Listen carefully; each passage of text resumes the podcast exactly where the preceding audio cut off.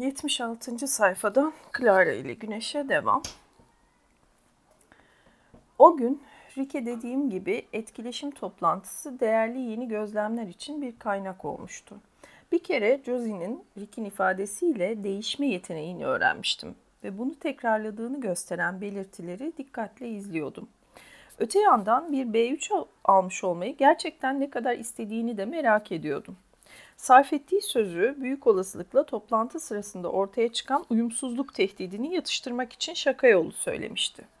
Öyle bile olsa B3'lerin benim becerilerimin ötesinde yetenekleri olduğu doğruydu. Ve Josie'nin bazen aklından bu tür fikirler geçme, geçirme olasılığını hesaba katmak zorundaydım. Toplantıyı izleyen günlerde Josie'nin uzun kollu kızın sorularına cevap veremeyişimi nasıl karşıladığı konusunda da endişeleniyordum. Ortaya çıkan durumda ve Josie'den net sinyaller gelmemesi nedeniyle en doğrusu olduğunu düşündüğüm yolu izlemiştim. Ee, gözlüğüm buğulanmış. Ee, keşke okumaya başlamadan önce silseydim değil mi? Kaydın ortasında böyle fıstırı fıstırı gözlük silmeler. Hoş değil, hiç hoş değil. Bu vesileyle iki gıdımda gökyüzü izleyeyim.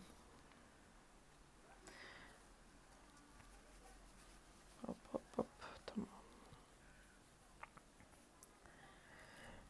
Devam. Ama bir süre zihnimde tarttıktan sonra Josie'nin bir ihtimal bana kızmış olabileceğini düşündüm. Bütün bu sebeplerden dolayı etkileşim toplantısının dostluğumuza gölge düşürebileceğinden korktum. Ama günler geçerken Josie bana karşı eski, eskisi kadar neşeli ve iyi davranmaya devam etti. Toplantıdaki olayları açmasını bekledim ama hiç gündeme getirmedi. Dediğim gibi bunlar bana yardımcı olacak derslerdi. Değişimlerin Josie'nin bir parçası olduğunu ve bunlara uyum sağlamaya hazır olmam gerektiğini öğrenmekle kalmamıştım. Aynı zamanda bunun sırf Josie'ye özgü bir karakter özelliği olmadığını, insanların çoğu zaman gelip geçenlere karakterlerinin bir yönünü tıpkı bir mağazanın vitrininde sergiler gibi sergilemek için hazırlama ihtiyacı duyduklarını ama böyle bir sergilemenin o an geçtikten sonra pek ciddiye alınmayabileceğini de anlamaya başlamıştım. Of, şahane. Tekrar değişimlerin Josie'nin bir parçası olduğunu ve bunlara uyum sağlamaya hazır olmam gerektiğini öğrenmekle kalmamıştım. Aynı zamanda bunun sırf Josie'ye özgü bir karakter özelliği olmadığını, insanların çoğu zaman gelip geçenlere karakterlerinin bir yönünü tıpkı bir mağazanın vitrininde sergiler gibi sergilemek için hazırlama ihtiyacı duyduklarını ama öyle bir böyle bir sergilemenin o an geçtikten sonra pek ciddiye alınmayabileceğini de anlamaya başlamıştım. Bu nedenle toplantı yüzünden aramızda hiçbir şey değişmediği için mutluydum. Ancak çok geçmeden dostluğumuzun bir süre daha pek sıcak olmamasına yol açan başka bir şey daha meydana geldi. Bu Morgan şelalesine yapılan yolculuktu ve beni sıkıntıya soktu. Çünkü bu yolculuk nasıl olup da aramızda soğukluk yarattı ya da ben böyle bir şeyin olmasına nasıl engel olabilirdim uzun bir süre anlayamadım. Etkileşim toplantısından 3 hafta sonra bir sabah erkenden Josie'ye bir göz attım ve bedeninin duruşundan ve nefes alışından her zamanki gibi uyumadığını anladım. Alarm düğmesine bastım ve anne derhal geldi. Doktor Ryan'ı aradı. Sonra ev görevlisi Melania'nın doktoru biraz sonra tekrar arayıp acele etmesini söylediğini duydum. Sonunda doktor gelince Josie'yi dikkatle muayene etti ve endişelenecek bir şey olmadığını söyledi.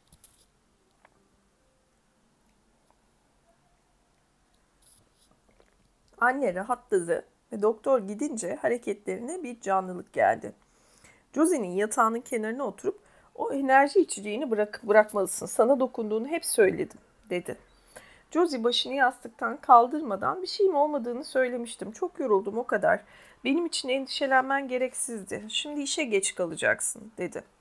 Josie senin için endişelenmek benim işim. Sonra anne şöyle ekledi. Clara'nın işi de bu. Bize haber vermekle iyi yaptı. Birazcık daha uyumam lazım. Sana söz veriyorum iyileşeceğim anne.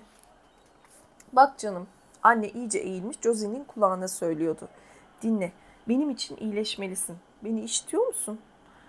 İşitiyorum anne. Güzel. Dinlediğinden emin değildim. Dinliyorum anne. Sadece gözlerim kapalı o kadar. Tamam. Şimdi seninle bir anlaşma yapalım. Hafta sonuna kadar iyileş. Biz de Morgan şelalesine gidelim. Orayı hala seviyorsun değil mi? Evet anne hala seviyorum. Güzel. O zaman anlaşmamız bu. Pazara Morgan Şelalesi. İyileştiğin takdirde. Uzun bir sessizlik oldu. Sonra Josie'nin yastığının içinden konuşur gibi şöyle dediğini duydum. Anne, eğer iyileşirsem Clara'yı da götürebilir miyiz? Ona Morgan şelalesini gösterebilir miyiz? Şimdiye kadar yalnızca bir kere dışarı çıktı. O da yalnızca buralarda. Clara tabii ki de gelebilir ama iyileşmelisin. Yoksa bunların hiçbiri olmaz. Anlıyor musun Josie? Anlıyorum anne. Şimdi biraz daha uyumam lazım. Josie öğle yemeğinden hemen önce uyandı. Bana talimat verildiği üzere ev görevlisi Melania'ya bunu bildirmek üzereydim ki Josie yorgun bir sesle şöyle dedi. Clara ben uyurken sen hep orada mıydın? Tabii. Annemin Morgan şelalesine gitmemiz hakkında söylediklerini duydun mu? Evet, gidebilmeyi büyük bir umutla bekliyorum ama annen ancak sen iyileşirsen gidebileceğimizi söyledi. Bir şeyim kalmayacak. İstesem bugün öğleden sonra bile gidebilirim. Sadece yorgunum, o kadar. Bu Morgan şelalesi nedir Josie? Ne olacak? Güzelliğin ta kendisi. Hayran kalacaksın. Sana sonra resimlerini gösteririm. O günün büyük bir kısmında Josie'nin yorgunluğu devam etti. Ama öğleden sonranın geç saatlerinde güneşlikleri açıp güneşin desenlerinin Josie'nin üstüne düşmesini sağlayınca gözle görülür şekilde güçlendi. Ev görevlisi Melania o sırada onu görmeye geldi ve günün kalan kısmını sakin bir şekilde geçirmeye söz verirse Josie'nin kalkıp giyinebileceğini söyledi. Akşam yaklaşırken hala yatak odasında olmamızın sebebi işte buydu. O sırada Josie yatağının altından bir karton kutu çıkardı. Göstereyim dedi ve kutunun içindekileri yere boşalttı. Çeşitli boyutlarda pek çok fotoğraf, kimi yukarı bakar halde, kimi ters halıya döküldü. Bunların Josie'nin geçmişine ait en çok sevdiği görüntüler olduğunu anladım. Ne zaman isterse bakıp neşelenmek için bunları yatağının yakınında tutuyordu. Görüntülerden çoğu üst üste düşmüştü ama çoğunun Josie daha küçükken çekilmiş olduğunu görüyordum. Bazı fotoğraflar Josie'yi anneyle gösteriyordu. Bazıları ev görevlisi Melania ile, bazıları da tanımadığım insanlarla. Josie fotoğrafları halının üstüne yaymaya devam etti. Sonra bir tanesini alıp gülümsedi. Morgan Şelalesi dedi. Pazar günü gideceğimiz yer burası. Ne diyorsun? Fotoğrafı bana verdi. O sırada ben Josie'nin yanında diz çökmüştüm ve fotoğrafta açık havada kaba kalaslardan yapılmış bir masada oturmuş daha küçük yaşta bir Josie gördüm. Oturma yerleri bir kalastandı ve Josie'nin yanında saçı şimdikinden daha kısa kesilmiş ve şimdikinden daha az zayıf olan anne oturuyordu. Masada oturan üçüncü bir kişiyi görmek ilgimi çekti. İnce ve kısa bir pamuklu ceket giymiş 11 yaşında olduğunu tahmin ettiğim bir kız. Yabancı kız fotoğrafı çekene sırtı dönük oturduğundan yüzünü göremiyordum. Güneşin desenleri hepsinin üstünde görünüyor. Masanın üstüne de yayılıyordu. Josie ile annenin arkasında bulanık bir siyah beyaz desen vardı. Bu deseni dikkatle inceledim ve dedim ki bu bir şelale. Aynen hiç şelale gördün mü Clara? Evet mağazadaki bir dergide görmüştüm. Baksana tam şelalenin önünde yemek yiyorsunuz. Morgan şelalesinde bunu yapabilirsin. Serpinti her yanına sıçrarken öğle yemeğini yiyebilirsin. Yemeğini yerken bir fark ediyorsun ki gömleğinin arkası sırılsıklam olmuş. Bu sana iyi gelmez Josie. Hava sıcaksa dert değil ama haklısın. Serin bir günde daha ileride oturmak zorundasın. Ama oturacak yer yok. Çünkü insanlar Morgan şelalesini fazla bilmiyorlar. Ama oturacak yer çok. Tabii yani yer yok ne diyor dedim. Ama oturacak yer çok. Çünkü insanlar Morgan şelalesini fazla bilmiyorlar. Elini uzattı. Fotoğrafı ona geri verdim. Fotoğrafa tekrar baktı ve dedi ki belki de orasının özel bir yer olduğunu ve bir tek benle an- olduğunu bir tek benle annem düşünüyoruz. Hiçbir zaman kalabalık olmamasının sebebi de bu. Ama biz orada hep harika vakit geçiririz. Bu hafta sonu oraya gidebilecek kadar gücünü toplayacağından gerçekten umutluyum. Morgan Şelalesi için en iyi gün her zaman pazar günüdür. Pazar günleri orada hep iyi bir hava olur. Sanki şelale o günün dinlenme günü olduğunu biliyor gibidir. Josie, bu fotoğraftaki yanınızda olan kişi kim? Burada annenle senin yanında olan kız. Ah, Josie'nin yüzü ciddileşti. Sonra dedi ki, o Sel, ablam. Fotoğrafı diğer fotoğrafların üstüne bıraktı. Sonra her iki elinde resimlerin üzerinden geçirerek halının üstünde onları oradan oraya sürükledi. Çocuk fotoğrafları gördüm. Tarlalarda, çocuk bahçelerinde, bina önlerinde. Ya Ablam dedi Josie kısa, Josie uzun bir süre sonra. Sel şimdi nerede? Sel öldü. Ne kadar acı.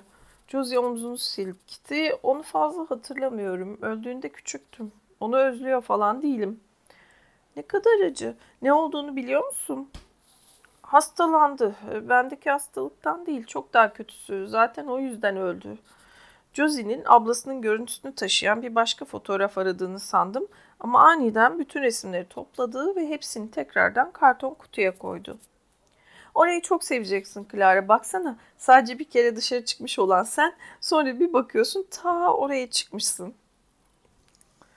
Josie gün be gün güçlendi. Öyle ki hafta sonu yaklaştığında şelaleye gidemeyeceğimizi düşünmek için hiçbir sebep yok gibi görünüyordu. Cuma akşamı anne eve geç geldi. Josie akşam yemeğini bitirdikten çok sonra beni mutfağa çağırdı. O zamana kadar Josie odasına çıkmıştı ve mutfak hemen hemen karanlıktı. Yalnızca holden ışık geliyordu.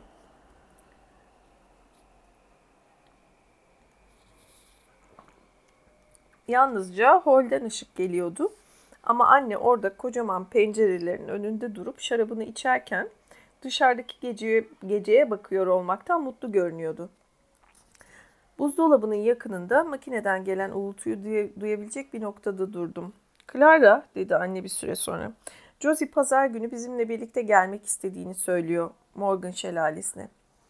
Eğer size ayak bağı olmayacaksam gelmeyi çok isterim. Sanıyorum Josie de gelmemi istiyor. Gerçekten de istiyor. Josie seni çok seviyor. Hatta şunu da söyleyeyim. Ben de öyle. Teşekkür ederim. Gerçeği söylemek gerekirse başta ne hissedeceğimden pek emin değildim. Senin etrafta olman, bütün gün evin her yerinde dolaşman. Ama Josie sen geldiğinden beri çok daha sakin, çok daha neşeli oldu. Çok memnun oldum. Çok iyi gidiyorsun Clara. Bunu bilmeni isterim. Çok teşekkür ederim. çok memnun oldum. Çok teşekkür ederim. Morgan şelalesine çıktığımızda hiç sorun olmayacak. Pek çok çocuk yağlarını oraya götürüyor. Yine de söylemem bile abes ama hem kendine hem de Josie'ye dikkat etmen gerekecek. Arazi pek tekin olmayabilir. Üstelik Josie böyle yerlerde bazen aşırı heyecanlanıyor. Anlıyorum, tedbirli davranacağım. Clara, burada mutlu musun? Evet, tabii. Bir yağya sormak için biraz tuhaf bir soru. Aslında bu sorunun bir anlamı var mı onu bile bilmiyorum. O mağazayı özlüyor musun? Biraz daha şarap içti ve bana doğru bir adım attı. Böylece holden gelen ışıkta yüzünün bir yanını görebiliyordum ama burnunun büyük bir kısmının da dahil olduğu diğer yanı gölgede kalıyordu. Görebildiğim tek göz yorgun görünüyordu. Bazen mağazayı düşünüyorum dedim. Vitrinden dışarısının görünüşünü, diğer yağları ama pek sık değil.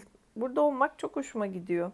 Anne bir an bana baktı sonra dedi ki harika olmalı bir şeyleri özlememek, bir şeye geri dönmeyi istememek hep geriye bakmamak. Her şey çok daha durdu ve sonra dedi ki Tamam Clara, sen de bizimlesin pazar günü ama söylediklerimi unutma. Orada kaza olsun istemeyiz.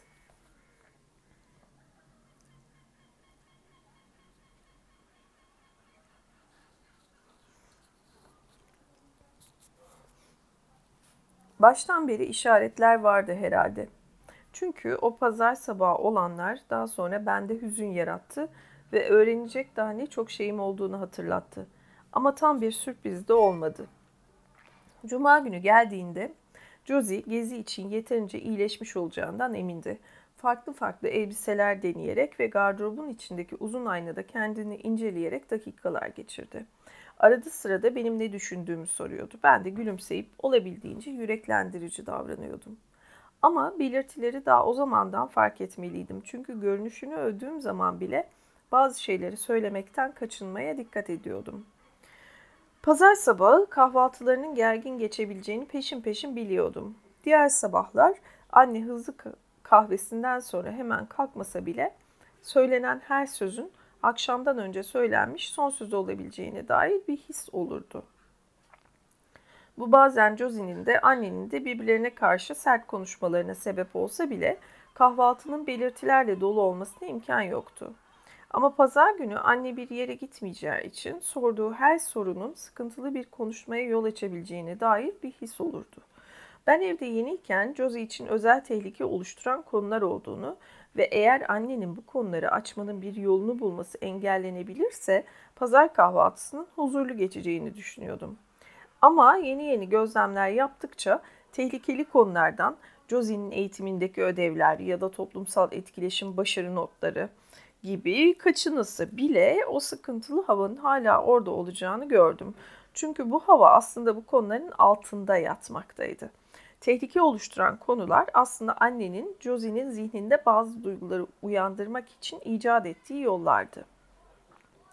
Bu yüzden Morgan şelalesine gezmeye gidileceği pazar sabahı anne Josie'ye içindeki karakterlerin durmadan araba kazalarında öldüğü bir uzun dörtgen oyununu oynamayı neden sevdiğini sorduğunda endişelendim. Başlangıçta Josie neşeyle cevap verdi. Oyun böyle düzenlenmiş. Hani adamlarını habire süper otobüse bindiriyorsun ama eğer yolları iyi tayin edemediysen en iyi adamlarını bir kazada kaybedebilirsin. Neden böyle bir oyun oynuyorsun ki Josie? Böyle korkunç bir şeyin olduğu bir oyun. Josie bir süre daha anneye sabırla cevap vermeye devam etti ama çok geçmeden sesindeki gülümseme kayboldu. Sonunda Josie bunun sadece eğlenceli bulduğu bir oyun olduğunu tekrar eder oldu. Anne ise oyun hakkında gitgide daha fazla soru sorar oldu ve kızar göründü. Derken annenin kızgınlığının aniden yok olduğu görüldü. Hala neşeli değildi ama Josie'ye yumuşak bakışlarla bakıyordu ve iyiliksever gülümsemesi bütün yüzünü dönüştürmüştü. Kusura bakma canım bu konuyu bugün açmamalıydım. Çok haksızlık ediyorum. Sonra yüksek taburesinden kalktı. Josie'nin oturduğu tabureye gitti ve Josie'ye sarılarak onu o kadar uzun bir süre kollarının arasında tuttu ki anne bu uzun süreyi gizlemek için sallantılı bir hareketle desteklemek zorunda kaldı. Sarılırken sallanmak. Görüyordum ki kucaklamanın uzunluğu Josie'yi hiç rahatsız etmiyor. Ayrıldıklarında da ayrıldıklarından emin olmadan buzdolabına dönük duruşumu değiştirmedim aralarındaki anlaşmazlık onarılmıştı. Böylece Morgan şelalesine gitmemize engel olabileceğinden korktuğum kahvaltı uyum içinde bitti ve zihnim heyecanla doldu. Ancak son anlarda anne ve ev görevlisi Melania evden çıkıp arabaya gittikten sonra gördüm Josie'yi. Kollarını kapitone ceketinden geçirirken durdu. Kendini içinden geçen derin bir yorgunluk dalgasına bıraktı. Ceketi giymeyi bitirdi ve holün diğer yanında beni görünce neşeyle gülümsedi. Sonra dışarıda arabanın sesini ve tekerleklerin gevşek taşlar üzerinde hareket ettiğini duyduk. Ev görevlisi Melania anahtarları elinde eve girdi ve bize dışarı çıkmamızı işaret etti. Ama artık işkillenmiş olduğumdan minik bir belirti daha görebildim. Önüm sıra gevşek taşlarda acele adımlarla yürüyen Josie'nin yürüyüşündeki bir şeyi. Anne direksiyon başında dikiz aynasından bizi izliyordu. Zihnime bir korku doldu. Ama Josie kendini ele verecek başka bir belirti göstermedi. Hatta gevşek taşlardan geçerken mutluluktan sekiyor görüntüsü vermeyi bile becerdi ve ön koltuğun kapısını kendi başına açtı. Şimdiye kadar hiç arabaya binmemiştim. Ama Rosa ile ikimiz araçlara binen ve inen o kadar çok kişiyi, duruşlarını ve manevralarını araç yürümeye başlayınca nasıl oturduklarını izlemiştik ki arka koltuktaki yerime doğru yol alırken hiçbir şey bana şaşırtıcı gelmedi. Yastık beklediğimden daha yumuşaktı ve o sırada Josie'nin oturduğu ön koltuk çok yakındı. Dolayısıyla önümü pek göremiyordum ama hiçbir gecikmeye meydan vermedim. Arabanın içi hakkında ayrıntılı gözlem yapmaya hiç vaktim yoktu. Çünkü o sıkıntılı havanın yine geri döndüğünü fark ettim. Ön tarafta Josie sessizdi ve gözlerinin yanında oturan anneden uzaklara çevirmiş, içinde birçok şeyin yanı sıra Josie'nin acil durum ilaçlarında bulunduğu şekilsiz çantayı taşıyarak gevşek taşları geçip gelen ev görevlisi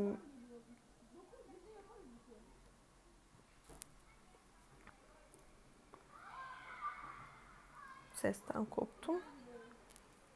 Ön tarafta Josie sessizdi ve gözlerinin yanında oturan anneden uzaklara çevirmiş. İçinde birçok şeyin yanı sıra Josie'nin acil durum ilaçlarının da bulunduğu şekilsiz çantayı taşıyarak gevşek taşları geçip gelen ev görevlisi Melania'ya bakıyordu.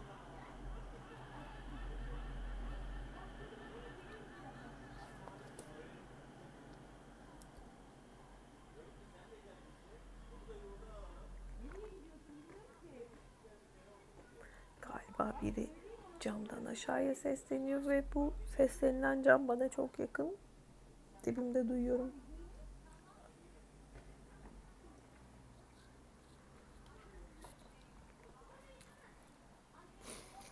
Anne bir an önce yola çıkmaya can atıyormuş gibi ellerini direksiyona koymuştu ve başı Josie'nin başının dönük olduğu yöne çevrilmişti.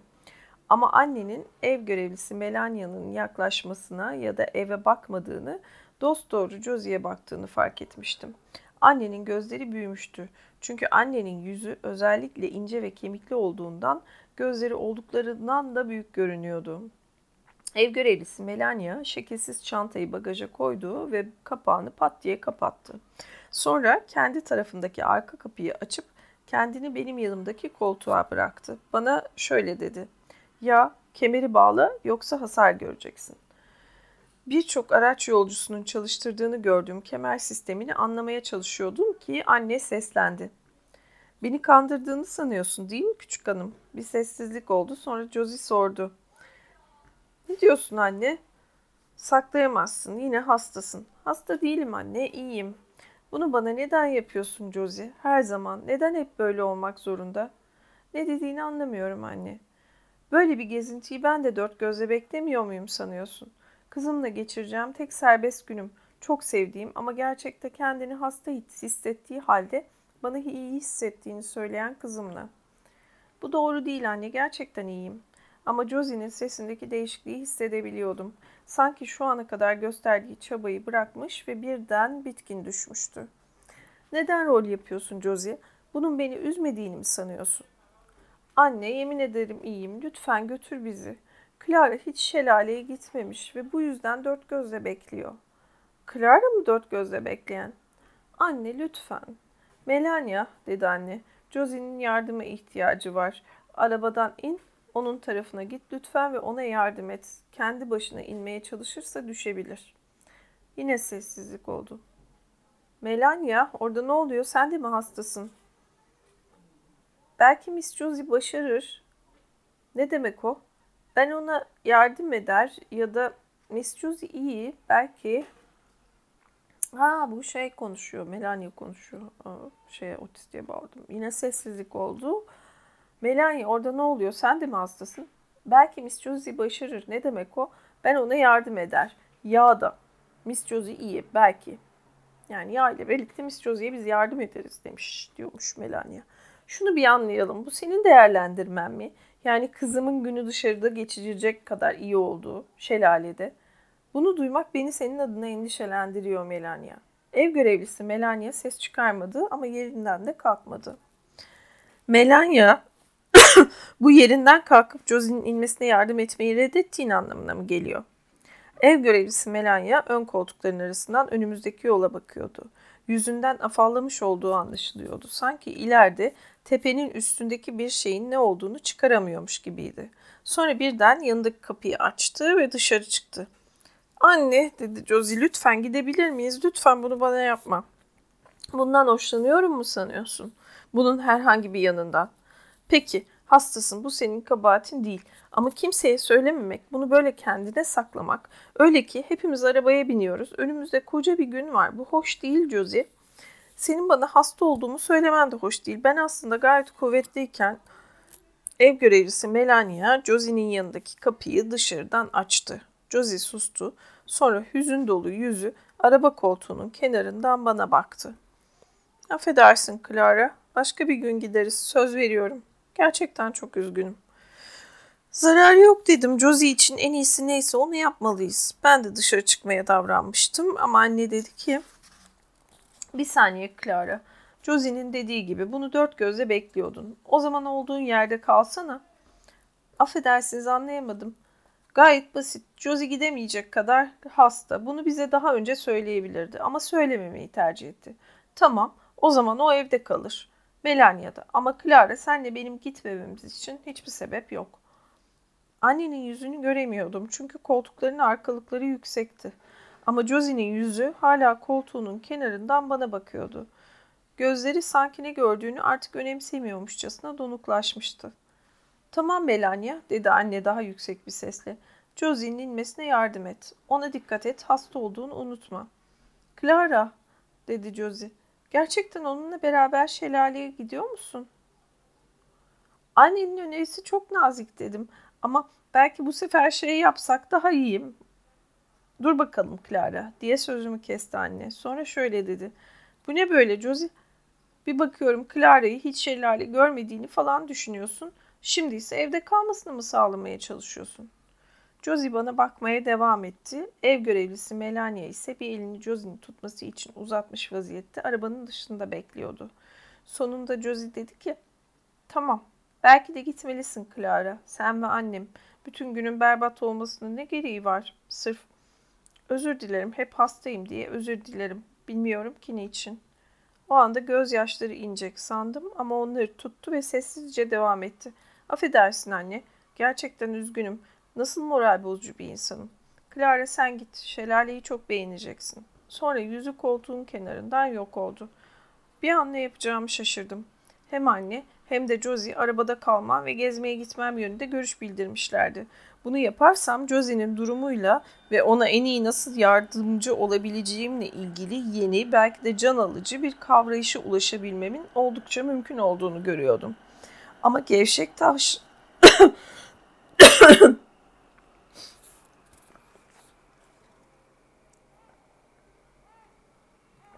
Ama gevşek taşların üstünden yürüyerek eve dönerken Josie'nin hüznü apaçıktı. Artık saklayacak bir şey kalmadığından yürüyüş kırılgandı ve ev görevlisi Melanya'nın desteğini almaya hiç itiraz etmedi. Ev görevlisi Melanya'nın evin ön kapısının kilidini açmasını ve ikisinin eve girmesini izledik. Sonra anne arabayı çalıştırdı ve hareket ettik. Bir arabanın içine ilk kez girmiş olduğumdan hızımız konusunda iyi bir tahminde bulunamadım. Anne olağanüstü hızlı gidiyormuş gibi geldi bana ve bir an zihnime korku doldu. Ama annenin her gün aynı tepeyi aştığı ve dolayısıyla tehlikeye sebep olma ihtimalinin düşük olduğu aklıma geldi. Dikkatimi yanımızdan hızla geçen ağaçlar ve bazen bir yanımızda bazen de diğer yanımızda ortaya çıkıveren, üstten bakınca ağaçların tepelerini görebildiğim geniş açıklıklar üzerinde topladım. Sonra yolun yokuş hali artık sona erdi Sonra yolun yokuş hali artık sona erdi ve araba Josie'nin penceresinden görünen ambara benzeyen bir yapı dışında bomboş olan geniş bir tarladan geçti. Sonra anne ilk kez konuştu. Araba kullandığı için benim oturduğum yere doğru başını çevirmemişti. Eğer arabada yalnız ben olmasaydım bana hitap ettiğini anlamayabilirdim. Hep böyle yaparlar. Hislerinle oynarlar. Bir saniye sonra da dedi ki belki çok acımasız görünüyorum. Ama başka türlü nasıl öğrenecekler? Bizim de duygularımız olduğunu öğrenmeleri lazım. Bir an sonra da her kahrolası gün ondan ayrı olmaktan hoşlandığımı mı sanıyor? Artık etrafta başka arabalar da vardı ve mağazanın dışında gördüğümüzün aksine bunlar her iki yönde de yolculuk yapıyorlardı. Uzakta bir araba görünüyor, hızla bize doğru geliyordu ama sürücüler hiç hata yapmıyor ve bize çarpmamayı başarıyorlardı. Kısa sürede çevremizdeki manzaralar o kadar hızlı değişmeye başladı ki bunları düzene sokmakta güçlük çektim. Bir aşamada bir bölme diğer arabalarla doluyor ama tam yanındaki bölmeler yoldan ve onu çevreleyen tarladan parçalarla doluyordu. Araba bir bölmeden diğerine geçtikçe yolun izlediği kesintisiz çizgiyi gözden kaçırmamak için elimden geleni yaptım. Ama görüntü sürekli değiştiğinden bunun mümkün olmadığına karar verdim ve sınırları aştıkça yolun kesilmesini, sonra tekrar yeniden başlamasını kabullendim. Bütün bu sorunlara rağmen görüntünün kapsamı ve gökyüzünün muazzamlığı heyecan vericiydi. Güneş çoğu zaman bulutların ardındaydı ama ben bazen desenlerinin bir vadi ya da bir arazi parçası boyunca yayıldığını göre, görebiliyordum. Anne tekrar konuştuğunda bana hitap ettiği daha belirgindi. Bazen duyguları olmamak hoş olmalı. Sana imreniyorum. Bu sözü zihnimde tat, tarttım ve sonra dedim ki birçok duygum olduğunu düşünüyorum. Gözlem yaptıkça daha çok duygu edinebiliyorum. Anne hiç beklenmedik bir şekilde güldü ve ürkmeme sebep oldu.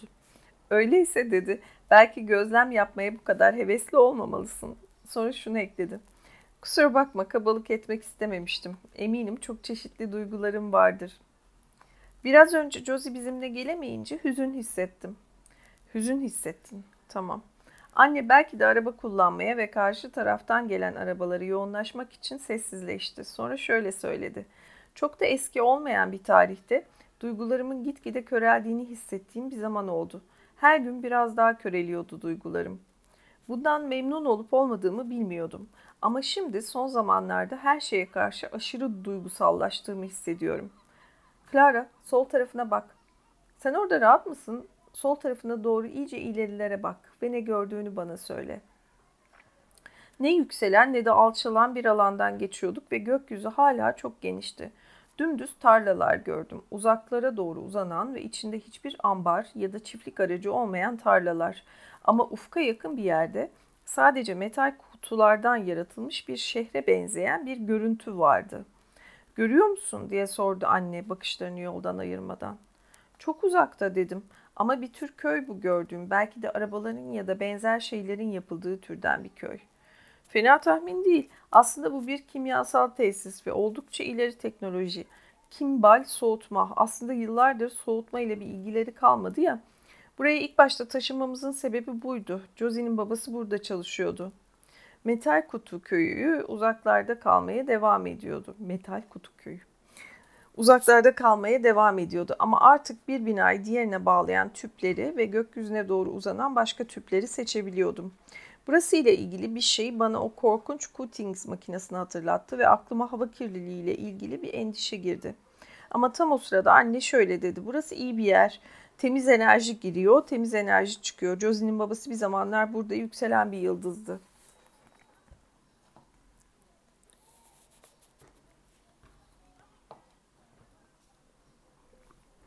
Sonra metal kutu köyü artık görünmez oldu ve ben koltuğumda yine dikleştim.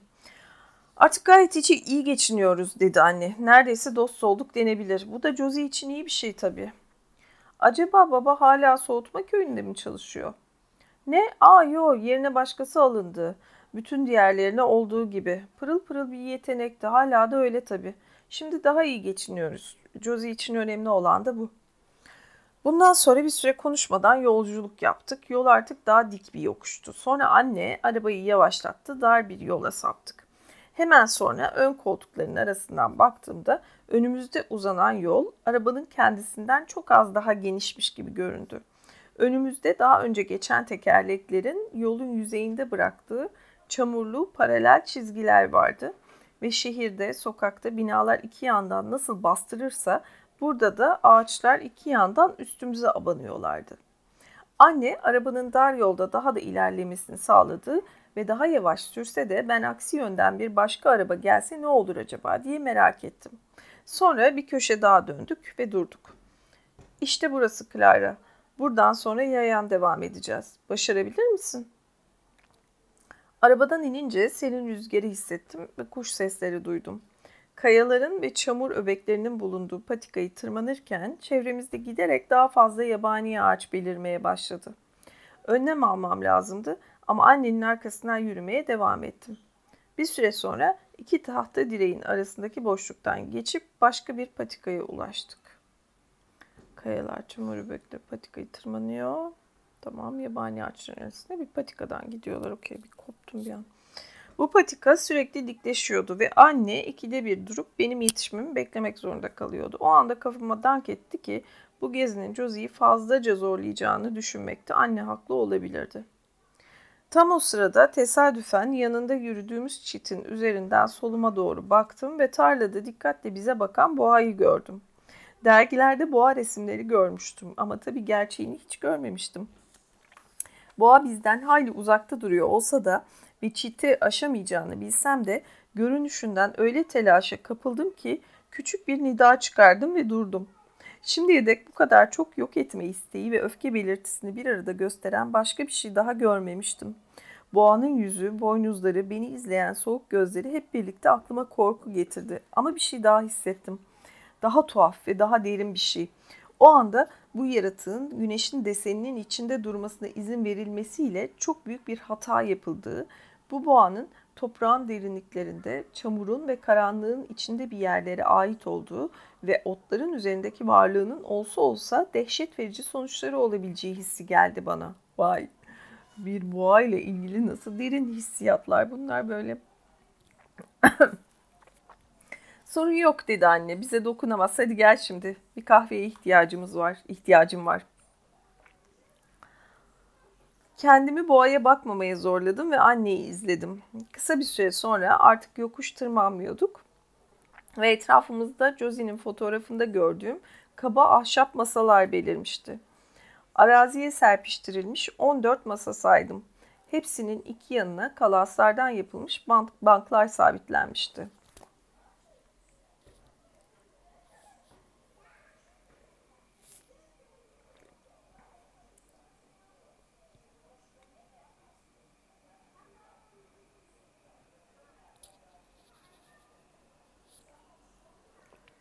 Boğazım yoruldu. Azıcık gökyüzüne bakarak dinlenme zamanı. Gökyüzü masmavi ve ay var gökyüzünde. Çok tatlı şu anda. Yavaş yavaş beliriyor böyle ufak ufak. Yarısından çoğu herhalde dörtte üç değil mi o? Tam karşımda.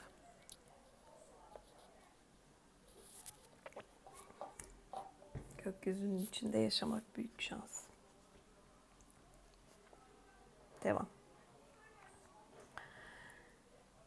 Banklar dedik değil mi? Evet.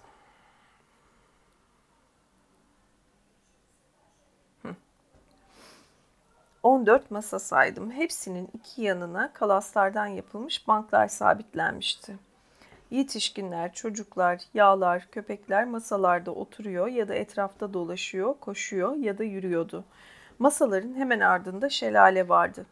Dergide gördüğümden daha büyüktü ve daha şiddetli akıyordu. Kendi başına 8 bölmeyi dolduruyordu. Gör, gör, bölmeleri azıcık anlamaya başladım. Güneşi aradım ama gri gökyüzünde bulamadım. Burada oturacağız dedi anne. Hadi otur beni bekle. Kahveye ihtiyacım var. 20 adım kadar ötedeki aynı kaba kalaslardan yapılmış bir kulübeye doğru yürümesini izledim. Kulübenin ön tarafında açık bir tezgah vardı ve böylece bir dükkan işlevi görüyordu. Gelip geçenler şimdi orada sıraya girmişlerdi. Oturup duruma uyum sağlama fırsatı bulduğum için memnun oldum ve kaba masada oturup annenin gelmesini beklerken çevrenin düzene girmekte olduğunu gördüm. Şelale artık o kadar çok bölmeyi işgal etmiyordu. Çocukların ve yağlarının hemen hemen hiçbir engelle karşılaşmadan kolayca bir bölmeden diğerine geçmesini izledim. Yağların hiçbiri bana doğru bakmasa da ve hepsi kendi çocukları üzerine odaklanmış görünse de bir kere daha başka yağların varlığını hissetmekten mutlu oldum ve bir süre onları mutlulukla izledim. Önce birini, sonra bir başkasını gözlerimle takip ettim.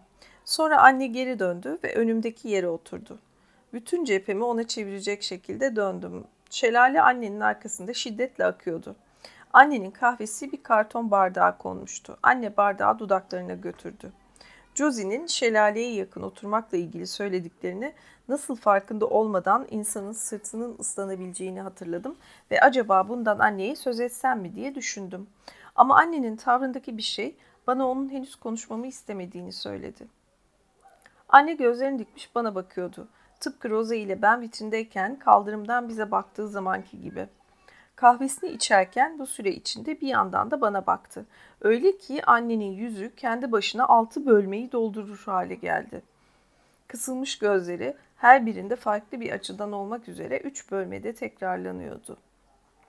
Sonunda şöyle söyledi. Burayı nasıl buldun bakalım? Muhteşem. İşte artık gerçek bir şelale gördün. Beni buraya getirdiğiniz için size minnettarım. Çok garip. Ben de şimdi mutlu görünmediğini düşünüyordum. Her zamanki gülümsemeni görmüyorum. Özür dilerim, nankörmüşüm gibi görünmek istemezdim. Şelaleyi görmekten dolayı çok mutluyum. Ama belki de Josie'nin bizimle birlikte olamayışı yüzünden aynı zamanda pişmanlık da duyuyorum. Ben de, o konuda ben de kendimi kötü hissediyorum. Sonra dedi ki, ama o kadar da kötü hissetmiyorum çünkü sen buradasın. Teşekkür ederim. Belki Melania haklıydı. Belki de gelseydi Josie'ye bir şey olmazdı. Bir şey söylemedim. Anne kahvesini yudumladı ve bana bakmaya devam etti.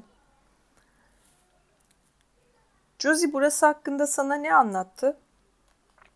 Burasının çok güzel olduğunu ve buraya sizinle birlikte yaptığı yolculukların hepsinde çok iyi vakit geçirdiğini. Böyle mi dedi?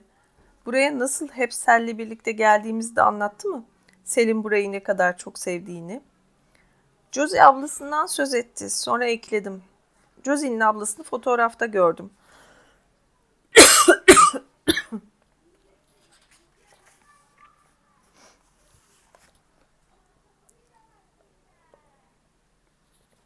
Çok heyecanlı buraları. O yüzden bırakamıyorum. Boğazım zorluyor ama şu bölümü bitireyim. Şelale bölümü bitsin ki bir kısımda var gibi zaten 3-4 sayfa sonra ne kadar 8 sayfa sonra 3-4 değil 3. bölüme geçiyormuş. Anne bana o kadar büyük bir dikkatle baktı ki bir hata yaptığımı sandım ama sonra dedi ki galiba hangi fotoğrafı kastettiğini biliyorum. Üçümüzün birlikte şurada oturduğu fotoğraf. O fotoğrafı Melania'nın çektiğini hatırlıyorum. Şuradaydık. Tam şuradaki bankta. Ben, Sel, Josie. Bir şey mi oldu Clara? Selin vefat ettiğini duyunca çok üzünlendim. Hüzün sözcüğü durumu çok iyi ifade ediyor. Affedersiniz belki de sözünü zararı yok. Sel bizden ayrılalı bir süre oldu. Yazık ki Sel'le tanışamadın. Josie'den farklıydı. Josie düşündüğünü söyler. Doğru mu yanlış mı laf ettiğine bakmaz. Bu bazen sinir bozucu olabiliyor. Ama ben Josie'yi bu tarafıyla seviyorum. Sel öyle değildi. Bir şey söylemeden önce etraflıca düşünürdü. Anlıyor musun? Daha duyarlıydı.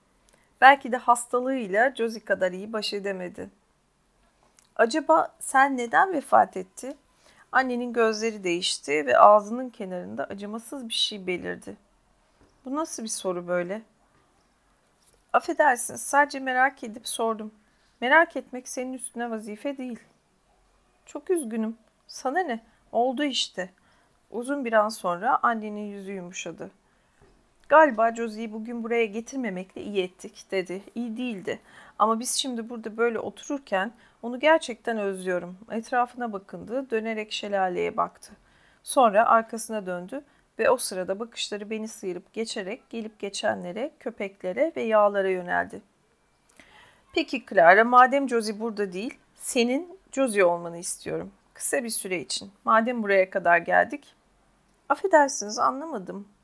Bunu benim için bir kere daha yapmıştın. Seni mağazadan aldığımız gün. Unutmadın değil mi? Hatırlıyorum tabii. Yani nasıl yaptığını unutmadın. Nasıl Josie gibi yürüdüğünü. O şekilde yürüyebilirim. Aslında şimdi onu daha iyi tanıyorum ve onu artık daha çok durumda görmüşlüğüm var. Daha incelikli bir taklit yapabilirim ama aması ne? Özür dilerim ama demek istemedim. Anne bana baktı ve sonra dedi ki iyi ama zaten senden o yürüyüşü yapmanı isteyecek değildim. Burada oturuyoruz ikimiz. Hoş bir yer, hoş bir gün ve ben Josie ile buraya gelmeyi büyük bir hevesle bekliyordum. Bu yüzden senden rica ediyorum Clara. Sen zekisin. Şimdi burada senin yerinde Josie oturuyor olsaydı nasıl otururdu? Senin oturduğun gibi oturmazdı bence. Yok, Josie daha çok e, böyle yapardı. Anne masanın üstüne doğru abandı ve gözleri kısıldı. Öyle ki sonunda yüzü sekiz tane bölmeyi kapladı ve şelale için yalnızca çevre bölmelerde yer kaldı. Bir an için yüzün ifadesi her bölmede bir diğerindekinden farklıymış gibi geldi. Örneğin birinde gözleri acımasızca gülüyordu ama diğerinde hüzünle doluydu. Şelalenin, çocukların ve köpeklerin seslerinin hepsi uzaklaşıp bir sessizliğe gömüldü ve annenin söyleyeceği şeye yer açtı. Güzel, çok güzel ama şimdi hareket etmeni istiyorum. Bir şeyler yap. Josie olmaya devam et. Biraz hareket ettiğini göreyim. Josie'nin gülümseyeceği şekilde gülümsedim. Kamburumu çıkarıp teklifsiz bir poza girdim. Güzel, şimdi de bir şey söyle. Konuşmanı işiteyim. Affedersiniz, anla, anla, ha, Hayır bu Clara. Ben Josie'yi istiyorum. Merhaba anne ben Josie. Güzel daha hadi. Merhaba anne endişelenecek bir şey yok tamam mı? Buraya geldim ve iyiyim. Anne masanın üstüne daha da abandı. Bölmelerde sevinç, korku, hüzün, kahkaha görebiliyordum. Başka her şey sessizliğe gömüldüğünden annenin nefes nefese tekrarladığını duyabiliyordum. Güzel, güzel, güzel. İyileşirim demiştim sana dedim. Melania haklıydı benim bir şeyim yok. Biraz yorgunum o kadar. Affedersin Josie dedi anne. Seni bugün buraya getirmediğim için özür dilerim. Zararı yok benim için endişelendiğini biliyorum. İyiyim. Keşke bugün burada olsaydın ama değilsin. Keşke seni durmadan hasta olmaktan kurtarabilsem. Endişelenme anne, iyi olacağım. Bunu nasıl söylersin? Sen ne biliyorsun ki? Sen yalnızca küçük bir çocuksun. Hayatı seven ve her şeyin bir çaresi olduğunu sanan bir çocuk. Ne biliyorsun ki? Zararı yok anne, endişelenme. Yakında iyileşeceğim. Nasıl iyileşeceğimi de biliyorum. Ne? Ne diyorsun? Sen doktorlardan daha mı çok bildiğini düşünüyorsun? Benden daha mı çok biliyorsun? Ablan da sözler vermişti ama sözünü tutamadı. Sakın sen de öyle yapma. Ama anne, Selin hastalığı farklıydı. Ben iyileşeceğim. Peki Josie. O zaman nasıl iyileşeceğini söyle bana. Özel bir yardım geliyor. Şimdiye kadar kimsenin aklına gelmemiş olan bir şey. Ondan sonra ben yine iyi olacağım. Ne bu? Konuşan kim? Artık birbiri ardına bütün bölmelerde annenin yüzündeki derinin altında çok belirgin olan elmacık kemiklerini görebiliyordum. Gerçekten anne iyi olacağım. Yeter artık yeter. Anne ayağa kalktı ve yürüyüp gitti. Ondan sonra tekrar şelaleyi görebildim ve şelalenin gürültüsü arkamdakilerin çıkardığı seslerle birlikte öncekinden daha yüksek sesle geri döndü. Anne toprağın bittiği, şelalenin başladığı yeri işaretleyen ahşap parmaklıkların yanında durdu. Annenin önünde asılı duran pusu görebiliyordum ve saniyeler içinde ıslanacağını düşündüm. Ama sırtı bana dönük orada durmaya devam etti. En sonunda bana doğru döndü ve el salladı. Clara buraya gel, buraya gel ve bir bak. Banktan kalktım ve ona doğru gittim. Beni Clara diye çağırmıştı. Bu yüzden Josie'yi daha fazla taklit etmeye teşebbüs etmemem gerektiğini anlamıştım. Eliyle işaret ederek daha da yaklaşmamı istedi. Bak, şuraya bir bak. Daha önce hiç şelale görmemişsin. Onun için bir bak. Ne düşünüyorsun? Muhteşem. Dergidekinden çok daha etkileyici. Özel bir şey değil mi? Bunu gördüğüne memnun oluyorum. Hadi şimdi geri dönelim. Josie'yi merak ediyorum. Arabaya giderken geçtiğimiz bütün yol boyunca anne hiç konuşmadı. Hızlı hızlı yürüyordu. Her zaman en az dört adım önde oluyordu. Ben de dimdik aşağı iniş yolunda hata yapmamaya dikkat etmek zorundaydım. Boğayı gördüğümüz yeri geçerken tarlayı ta en uzaklara kadar gözlerimle taradım ama korkunç yaratık görünürde yoktu. Acaba tekrar toprağın altına geri mi gönderildi diye merak ettim. Arabaya vardığımızda ben eski yerime oturmaya davrandım ama anne dedi ki önde yolculuk et, etrafı daha iyi görürsün. Böylece annenin yanındaki koltuğa oturdum. Aradaki fark mağazanın orta kısmı ile vitrin arasındaki fark gibiydi. Tarlaların arasına doğru indik. Güneş bulutların arasından görünüyordu. Ufuktaki yüksek ağaçların dört bir yanları bomboş olmasına rağmen nasıl 6-7'lik sıkışık gruplar halinde toplandıklarını gözlemledim. Araba arazi boyunca giden uzun ince bir hattı izledi ve gördüm ki başlangıçta uzaktaki bir tarlanın üstündeki desenler olarak görünen şey aslında koyunlarmış. Bu yaratıklardan 40'tan fazlasının bulunduğu bir tarlayı geçtik ve çok hızlı gitmemize rağmen koyunların hepsinin tek tek iyilikle dolu olduğunu gördüm. Koyunların hepsinin tek tek iyilikle dolu olduğunu gördüm. Daha önceki korkunç boğanın tam tersi. Bakışlarım özellikle diğerlerinden daha da yumuşak görünen dört tane koyuna kaydı. Otların üstünde düzenli bir sıra şeklinde bir yolculuğa çıkmışçasına birbiri ardına sıralanarak yerleşmişlerdi. Ama yanlarından hızla geçmemize rağmen otları çiğnerken ağızlarının yaptığı ufak hareketler dışında aslında hiç kıpırdamadan durdukları belli oluyordu. Sana müteşekkirim Clara. Yanımda olman yolculuğun çok kötü geçmemesini sağladı. Çok memnun oldum. Belki arada bir aynı şeyi tekrar yaparız. Eğer Josie dışarı çıkamayacak kadar hasta olursa. Ben bir şey söylemeyince de dedi ki, sence bir sakıncası yok değil mi Clara tekrar böyle bir şey yapmamızın?